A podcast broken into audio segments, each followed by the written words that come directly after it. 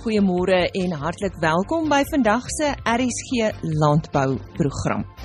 Op vandag se program gesels ons oor die stompneuskewer. Ons gesels met Agri SA oor 'n blik op Suid-Afrikaanse landbou. Dr Dani Odendaal vertel waarom 'n vers plan so belangrik is vir ideale kuddegesondheid en vrugbaarheid. Eers dan die woord vir oggend, Henny Maas. Hier is nou inligting oor twee veilinge wat binnekort plaasvind. Op die 15de Mei is daar die HP Bonsmara produksieveiling op die plaas Twyfelhoek Slurry. 25 SP bulle, 150 koeie en kalvers, 50 dragtige koeie en 50 dragtige verse word opgeveil. En dan op die 16de Mei is daar die Kelkriet en nooit gedagte Sennepol produksieveiling. Dit vind plaas op die Vryburg skougronde Vryburg. 8 bulle, 80 vroulike diere stoet en kommersieel word opgeveil deur Andre Kok en Seuns, die afslaer Teens Visser. Tot sover veiling nuus. 8085. Die stompneuskewer saai al die afgelope paar jaar verwoesting in dele van die Suid-Kaap en het omtrent aan vrugteboere se winste begin knaag. Ons gereelde gas Jan Hendrik Venter van die Departement Landbou, Bosbou en Visserye vertel ons nou meer van hierdie kewer. Jan Hendrik, eh, hierdie stompneuskewer, kom hy natuurlik in Suid-Afrika voor? Goeiemôre. Môre Lisa. Ehm um, nee, die stompneuskewer is 'n uitheemse pes, hy is 'n indringer wat um, ons vir die eerste keer opgemerk het of die eerste keer na aan ons gerapporteer is deur deur um Fabi kom hy al van 2017 af regtig voor in Suid-Afrika wat ons weet van. Maar ons vermoed hy is al reeds baie langer as dit in die, in die land. En hoe lyk hierdie kewer? Dit is 'n donkerbruin na swart eh, kleurige um kewer wat nie groter as 2 mm gaan groot word nie. So hy is betreklik klein en is moeilik om raak te sien op sy eie. Wanneer is nou die eerste keer in die land uh, gesien en en hoe dink julle het dit hier gekom? Die ons vermoed ehm um, hierdie kewer het moontlik deur ehm um, houtverpakkingsmateriaal ingekom, maar dit kon ook in met plantmateriaal ingekom het soos 'n jong boontjie wat ingevoer is. Ehm um, dit is baie moeilik om te presies te sê hoekom. As ons kyk na die verspreidingspatroon ehm um, waar waar hy die eerste keer opgemerk is en dit is in in Pietermaritzburg en dat hy dan in die suidkus voorkom tot in die noordkus, is dit moontlik dat hy dalk deur die hawe um, vervoer ingekom het in die land. Hoeveel weet julle tot dusver van die klimaatsvoorkeure van hierdie kewer? Sover kom die kewer voor in in in KwaZulu-Natal en tot by Pietermaritzburg, met ander woorde is 'n redelike tropiese klimaat tot tot amper Hoëveld en dan kom dit wel in die Hoëveld in in Johannesburg um, redelik goed voor in en dan in in verskeie ander areas in die land tot in die Wes-Kaap. Ehm um, en ook in die Noord-Kaap in Hartswater byvoorbeeld in Jan Kempdorp daai omgewing. Ehm um, so die kewer het het nie regtig 'n spesifieke klimaatsvoorkeur wat ons kan dink nie. Hy skep egter sy eie mikroklimaat en dan hy boor in die in die in die boom in en in daar binne is die temperatuurtoestande relatief konstant. So watter gewasse teiken hy en en watter skade kan dit nou byvoorbeeld aan opbrengs veroorsaak? Sover dink ek is ons gelukkig in Suid-Afrika. Dit is 'n polifage kewer. Hy kan baie boomsoorte van verskillende families uh, teiken, maar met ons vrugtebome sover is dit um, net avokadobome wat wat 'n risiko gekry het en hy het ons ons het hom nog nie opgemerk in ons avokado industrie nie. So ons is gelukkig in daai opsig. Um hy kom wel voor in tekenatbome in hartswater en um, maar dit word as 'n nie reproduktiewe gasheer beskou. Met ander woorde die kewer kan nie aanteel in die boom self nie, maar dit kan dalk 'n swam infeksie verder veroorsaak. So ons hy die, ons moniteer dit ehm um, redelik goed en hy is wel ook in makadamia bome al opgemerk in die, in die suidkus. Is daar insekdoders wat die kewer effektief kan bestry op hierdie stadium? Lisa nee, daar is op die oomblik niks geregistreer daarvoor nie. Ons het wel uh, van die departement se kant af 'n uh, uh, op, uh, oop oproep gemaak aan chemiese maatskappye om vir 'n noodregistrasie aansoek te doen. Ons motiveer dit en um, daar's uh, etlike maatskappye wat aansoek gedoen het, maar die registrasieproses is nog nie klaar nie. Die um, groot ding met hierdie kewer is omdat hy in die boom voorkom en ook 'n swam um, afskei wat eh, of oordra in die boom wat eintlik die boom doodmaak. Ehm um, is dit moet mense insekdoders sowel as 'n swamdoder gebruik om hierdie pes effektief te kan beheer. So, uh, wat doen die departement van landbou, bosbou en visserry op hierdie stadium om die verspreiding van hierdie kewer te bestuur? Verspreiding is is uiters moeilik omdat die kewer is 'n is 'n vleiende insek en hy kan wel deur hout versprei. Op hierdie stadium is daar geen wetgewing daar nie daarvoor nie behalwe vir wetgewing ten opsigte van die invoer van van houtspesies. Die ehm um, departement het wel 'n uh, bestuursliggaam begin en ons is in noue kontak met met alle betrokke ehm um, persone en en dan en daar ook ander organisasies en departemente. Dit sluit in byvoorbeeld departement van omgewingsake en dan ook ons ons bosbou sektor sowel as ons ons natuurbewaringssektore en dan verskeie private organisasies. Ja, die groot ding op hierdie stadium is bewusmaking en dan ook monitering om te kyk waar kom hy voor en en en hoe versprei hy. Dit dit is moeilik om op hierdie stadium te sê hy versprei of of teenoor kom ons kry kom of ons dit vir die eerste keer eers raak sien in 'n in 'n area. Wat wel nou gebeur het, ons het 'n uh, bevestiging gekry in Somerset West wat vir die eerste keer aandui dat hy in die Kaapstad se munisipale area is en dit is belangrik om dit dan nou verder baie noukeurig dop te hou. En dit was aan die stem van Jan Hendrik Venter van die Departement Landbou, Bosbou en Visserye, wetenskaplike by die vroeë waarskuwingsafdeling. En nou praat ons met Dr. Dani Oudendal van die Veearts Netwerk en ons gaan met hom praat oor 'n versplan vir optimale vrugbaarheid en uh, kudde gesondheid. Uh, waar begin die versplan nou eintlik Dani? Ja, kyk, as jy nou ooit wil begin om verse reg groot te maak, reg te selekteer, spesifiek met die doel soos jy gesê het vir optimale vrugbaarheid en en dan ook kudde gesondheid is dit nou tyd om te doen. So wanneer ons die kalvers nou speen en ons 'n eenvormige groep van verse. Uh ons weeg hulle en selekteer hulle en ons kan vir ons afsnypunte hê en sê luister uh verse met hierdie indeks moet bly en ander moet moet uitgeskot word. So ons eerste seleksie van daai verse word nou gedoen wanneer ons speen en ons hele doelwit is om dan 'n plan op te stel vir daai verse wat strek totdat hulle die tweede keer dragtig is. So ouens dink dit is baie ver vorentoe, maar laat ek dit baie eenvoudig gou verduidelik. So ons eerste jaar van ons hulle nou speen 7 of 8 maande het ons 1 12 maande plan vir hulle tot hulle 18 maande oud is. So daai plan loop dan deur tot hulle 18 maande oud is en dit is maar basies waar hierdie diere net gaan groei op die veld. En daai eerste belangrike inentings gaan kry wat deel is daarvan om vir hulle lewenslange immuniteit te gee teen van die belangrikste siektes. Die tweede deel van daai uh vers program is die volgende 12 maande en dit is van hulle 19 maande oud is tot hulle 30 maande oud is. So binne in daai periode gaan hulle dan ook vir die eerste keer gedek word en hulle eerste dragtigheidsondersoeke deurgaan. En dan die laaste deel van die 3 jaar versplan is van 31 maande tot 42 maande. Dis waar hulle nou dragtig is vir die eerste keer gaan kalf en dan daai kritiese periode tussen die eerste kalwing en die tweede keer wat hulle bil toe gaan. Uh en om weer dragtig te raak waar hulle gewoonlik die grootste probleem het om weer dragtig te raak. En daai 3 jaar versplan eindig dan op 42 maande.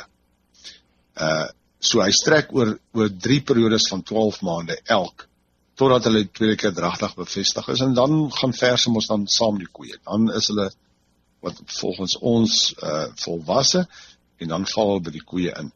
So as ons gaan kyk dat die na die afbreek van daai vers bestuursprogram gaan dit eerstens om weging. So ons het ons weeg daai diere 'n minimum met 'n 6 maande interval. Op baie plase is daar 'n 3 maande interval wat ons hulle weeg, want al wat ons wil wil sien is gaan hulle die minimum teelmassa of gewig bereik wanneer ons hulle die eerste keer gaan gaan dek daarop net bietjie meer as as 2 jare 2 jaar van ouderdom. So dit is nie iets wat jy net so met die oog kan sien nie. Jy moet sien wat gebeur met hulle in die eerste winter. As ons hulle nou weeg wanneer ons hulle speen en ons weeg hulle 3 maande later en ons weeg hulle weer 3 maande later wanneer hulle 12 maande is, dan het ons gesien wat gebeur met daai verse in hulle eerste winter. En ons verwag nie dat hulle gaan toeneem nie. Ons verwag dat hulle net hulle gewig gaan behou. Maar baie van daai verse sak uit. Hulle hulle kan nie byhou in daai eerste winter. So ons tweede seleksie van verse word dan basies gedoen op 12 maande van ouderdom.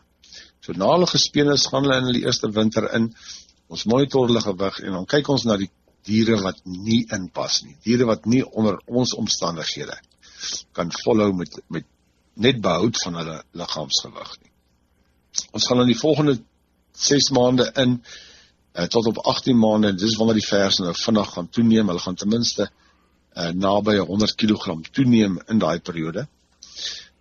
Maar hier is ook die periode wanneer ons nou aan die einde van wanneer 12 maande is vir hulle hulle belangrikste inentings wil gee ten opsigte van virus siektes wat deur insekte oorgedra word. Dis die een voorbeeld. So ons wil knopvels siekte hulle teen beskerm. Ons wil teen 3 dae stywe siekte beskerm. Ook slengdalkoors. En daai enstel word dan ook presies 12 maande later herhaal. En as jy dit gedoen het, dan het jy basies 'n uh, langtermyn immuniteit teen hierdie insekoorgedraagde siektes. Natuurlik het ons ook dan ons normale clostridiale siektes, ons lamspons en milt siekte, uh wat daai twee keer herhaal word voor hulle die eerste keer bol toe gaan. En dan die ander siektes waarvoor ons hulle ent, ehm uh, is die siektes wat 'n effek op reproduksie kan hê. En dit is soos BVD waarvoor ingeënt word, ook RB51 teen brucella en dan ook vibriose waarvoor hulle ingeënt kan word. So die inentingsprogram in die verse is verskriklik belangrik om kudde gesondheid in die langtermyn op te bou. Ons bou hom hier by die verse. Die tyd ons wat ons kom by die koeie wil ons minimum inentings gee. Jy weet elke jaar doen ons lampsfonds en milt. Dis omtrent in baie van die gevalle al wat boere doen behalwe in areas waar daar groot probleme is met ons uh, knopvel siekte waar dit herhaal word waar uh, RB51 herhaal word. Maar dit wat jy met die verse doen is die opbou van die langtermyn immuniteit. Dit wat jy al aan boord stel twee keer voor die eerste keer gedek word is jou basis van van kudde gesondheid. So dit is die een gedeelte daarvan. Die ander gedeelte soos gesê het is die weeg en die behaal van hulle minimum teel gewigte.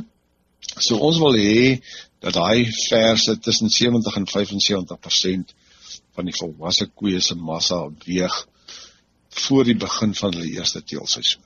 So in baie gevalle werk ons dit uit en sê maar die die getal is 320 kg so die minimum teelmassa wat ons wil bereik is 320 kg en en daarvoor moet ons nou bestuur om die diere daar uit te kry deur hulle eerste winter na hulle gespeen is, hulle tweede somer, dan hulle volgende winter en dan wanneer hulle geteel word is dan die begin van die volgende somer of of die lente.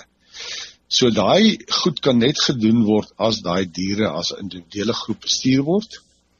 Ons het hierdie vers program wat ons vir hulle opgestel het wat oor 3 jaar strek vanaf speen tot sy tweede keer dragtig was. Ons het presiese aanwysings waar ons gaan weeg en waar ons hulle gaan evalueer. Uh en dan kom ons by hulle eerste eerste teelseisoen. Nou ons hoofdoelwit is om 85% van daai verse dragtig te kry binne in een hitte siklus. As ons kyk na die langtermyn seleksie van vrugbaarheid in 'n kudde, dan moet ons druk op daai verse plaas. Ons moet daai verse vir so kort as moontlik periode vir die eerste keer dek en net die verse wat hoofsaaklik in die eerste twee hitte siklusse dragtig geraak het hou ons dan as vervangsverse. Dis hoekom ons die dragtigheidsondersoeke sommer op die meeste 6 weke doen na die einde van daai eerste wekseisoen sodat ons daai diere in die hand kan identifiseer of met 'n sonar as ons sonar doen uh wat in die eerste hitte siklus of tweede siklus se dragtig geraak word geraak het. Hierdie is ook die ideale groep van diere wat wel gesinkroniseer en gekaai kan word. Dis 'n eenvormige groep. Hulle is nie besig om melk te gee nie. So as 'n boer nog nooit uh sinkronisasie en KI gedoen het, nie, is hierdie verse ook die ideale groep. Wat ons dan daar soek is net die diere wat in die eerste uh twee hitte siklusse dragtig geraak het en ons gaan hulle dan baie goed deurvolg. Baie gekonsentreerde eerste kalwing hê, goeie bestuur, meer observasie, help waar waar dit nodig is en dan daai selfe groep goeie kos gee voor hulle die tweede teelseisoen ingaan. Want ons wil weer hê hulle moet 85% dragtig raak want dit is gewoonlik waar die diere verlore gaan. In daai tweede teelseisoen het ons nie na hulle gekyk nie of hulle het oor te lank periode gekalf en ons kry net 65% konsepsie.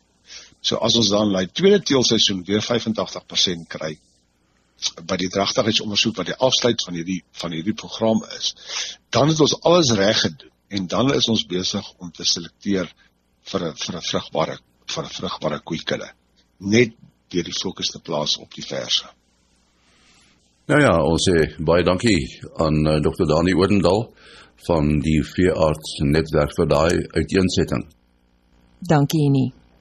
Agri SA het vroeër vanjaar 'n interessante opsomming oor die landbou in Suid-Afrika uitgestuur. Nou die sogenaamde snapshot het veral gefokus op die rol van landbou in ons oorhoofse ekonomie en jy sal dalk onthou dat ek uh, baie kortliks daaroor met Omri van Sail gesels het, maar nou gaan ons 'n bietjie meer in diepte gesels met Jolandi van der Merwe van Agri SA. Jolandi, hoekom het Agri SA besluit om juis hierdie navorsing te doen? Kyk, die hoofdoel van hierdie verslag um, was heel van die begin af om te dien as 'n handleiding vir al die verskillende rolspelers in die waardeketting en ook om die publiek 'n uh, bietjie meer in te lig oor die groot rol wat landbou by die landbouindustrie vervul in ons ekonomie. Uh, dit skep ook 'n omvattende prentjie van waarheen word ons land landbouskommoditeite heen uitgevoer, waar is investeringsgeleenthede ensovoorts. Hoe lank het jy aan hieraan gewerk, Jolandi? Ek so het ons het ons al reeds 'n uh, redelike omvattende datastelsel. Um so die data was reeds uh, vir my beskikbaar gewees. Uh ons het slegs maar net die data verwerk en bietjie meer gebruikersvriendelik gemaak en um ag dit het omtrent so so twee maande gevat om om heeltemal te voltooi. En hoe was die inligting ingesamel? Ons versamel ons inligting vanaf verskeie bronne, uh onder andere die Departement van Landbou, Statistiek Suid-Afrika uh en ons kry ook inligting vanaf ons verskeie bedryfsorganisasies. Uh, wat beskikbaar was tydens die samestelling van die verslag is wel op 2017 se syfers gebaseer, maar ons is reeds besig om hierdie inligting op te dateer soos die data vrygestel word. Tel ons oor die rol wat landbou in die Suid-Afrikaanse ekonomie speel. Kyk, landbou is 'n ontsettende groot rolspeler in ons land se ekonomie. Uh omtrent 82% van ons land se grond is landbougrond. So dit gee mense ook 'n idee. Um die waarde toegevoeg deur deur die landbousektor tot die Suid-Afrikaanse ekonomie hier rondom die einde van 2018 is so om en by 106 miljard rand wat 2.4% van ons BBP uitmaak. Uh die waarde van landbouuitvoere in 2018 het rekordbedrag gehaal en 'n totaal uh, 110 miljard rand uh, bygevoeg tot ons ekonomie. Het voedselsekerheid oor die jare gegroei of afgeneem? Suid-Afrika was tot dusver nog heel voedselseker gewees uh, en landbouproduksie het goed bygehou met ons populasie se groei oor die jare. Uh, daar was wel 'n effense afname in 2016 en 2018 in terme van landbouproduksie, uh, meestal omrede die droogte wat ons land um, uh, beleef het en so en dit het gevolglik voedselsekerheid se groei tot 'n klein mate bietjie verminder. So wat is die redes hiervoor? die die droogte um, het ons gevoel uitgelei dat ehm um, dat boere nie die nodige uh, landbouprodukte kan produseer om ons plaaslike markte te versorg nie. En uh daarom daarom sal dit voedselsekerheid so bietjie beïnvloed, maar ons ehm um, ons landbouvoedselsekerheid is nog steeds op 'n positiewe groeikoers besig. Nou julle het ook navorsing gedoen oor die verbruik van landbouprodukte. Dit is nogal interessant. Watter produkte word die meeste verbruik en watter tendense het julle hier opgemerk? So ons het spesifiek gekyk na die plaaslike per capita verbruik van sekere landbouprodukte per jaar. Uh die verbruik van ons graanprodukte was maar soos verwag, ehm um, soos mielies en koring was uh redelik hoog, so om en by uh 80 kg per persoon per jaar nou vir die mielies en die en die koring was so 45 kg per persoon per jaar. Uh wat wel interessant was was dat um die verbruik van suiker per jaar is so 39 kg per persoon en ons tropiese en sagte vrugte doen ook goed met 21 kg per persoon. En hoe lyk handel na en van Suid-Afrika tans? Uh, wat is van ons grootste internasionale vennote in die in- en uitvoer van landbouprodukte? Uh kyk, ek dink dit is geen geheim dat Suid-Afrika se landbouprodukte redelik populêr is in die buiteland nie.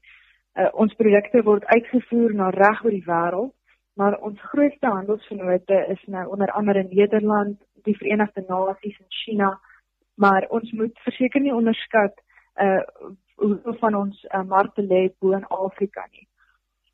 As nou kyk na die invoermarkte, is dit lande soos Argentinië, Brasil en Thailand.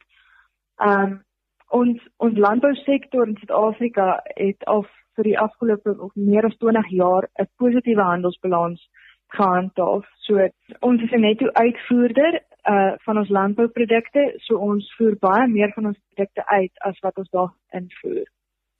Hoe het beesslaggetalle oor die jare uitgespeel, uh, Jolandi? So beesvleis uitvoere het ook drasties toegeneem in die laaste 5 jaar. Uh in as mens kyk in 2017 het ons meer as 17000 ton se beesvleis uitgevoer, waar in vergelyking met 2013 het ons net so bo kan 6000 ton uitgevoer. Um ek dink wel hierdie syfers gaan verskil in 2018 en 2019 uh, as gevolg van die back and closure uitbraak in Limpopo. Nou ons uh, gesels gereeld op RSC landbou oor uh, die boerbok bedryf wat natuurlik ongelooflik uh, populêr word. Ehm um, nou dit lyk of die uitvoer van die vleis die afgelope paar jaar afgeneem het. Wat is die redes hiervoor? Die droogte het beslis 'n groot impak op die vervaardiging van boerbokvleis gehad. Die ehm um, om as mens gaan kyk dat uh, 39% van ons boerbokke sit in die Oos-Kaap en dit is nou 'n ongelukkige provinsie wat redelik al ehm um, sleg getref is deur deur die droogte beide in 2016 en in 2018. So dit het versekerde impak op uitvoere gehad. Kom ons gesels oor grane. Uh, watter tendense het julle in die navorsing oor grane in Suid-Afrika waargeneem? Met ons grane het ons bevind dat mielies, koring en sorghum wat tydens normale omstandighede redelik goed presteer, uh nogals baie swaar kry tydens die droogte tydperk. Ehm um, maar wat wel baie interessant is, is dat indien hierdie gewasse bietjie sukkel, dan sal boere geneig wees om ander gewasse soos sonneblomme aan te plant wat 'n uh, bietjie meer bietjie harder gewasse is en beter vaar in abnormale toestande. Dan uh, sien ek piesang uitvoere het ook sterk afgeneem. Uh, hoekom sal dit wees, Jolandi?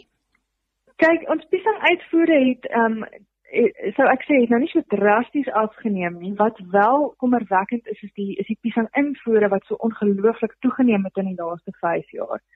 Uh in die verlede het meeste van ons piesangs ehm um, gekom vanaf Mosambiek en Swaziland maar tussen 2012 en 2016 het invoere vanaf Ecuador en Zimbabwe met omtrent by 2.500% gestyg. So hierdie hierdie toename is maar as gevolg van die afname in plaaslike produksie as gevolg van droogtes en so en dit het gelei tot 'n toename in invoere om ons plaaslike markte dan te kan versadig. Ja, dit was 'n interessante gesprek wat ek gehad het met Jolani van der Merwe van Agri SA. Sy is navorser en uh, sy het met ons gesels oor Agri SA se interessante opsomming oor die landbou wat vroeër vanjaar uitgestuur is en dit het ook bekend gestaan as die snapshot. Dis dan al vir vandag. Maak gerus môreoggend weer so. Ons praat dan weer met Agri SA oor navorsing in Suid-Afrika en ook met uh, Hortkrou oor ons appel en pere bedryf. Dit is dan van die onderhoude môreoggend op RSG Landbou. Net eh, 'n uh, webtuiste indien jy graag weer na een van ons onderhoude wil gaan luister. Dit is www.rsg.co.za of www.agriorbit.com. En 'n e-posadres vir ons is linet@plaasmedia.co.za. Tot môre dan. Totsiens. RSG Landbou is 'n produksie van Plaas Media. Produksieregisseur Henny Maas Aanbieding Lisa Roberts. en inhoudskoördineerder Jolandi Root.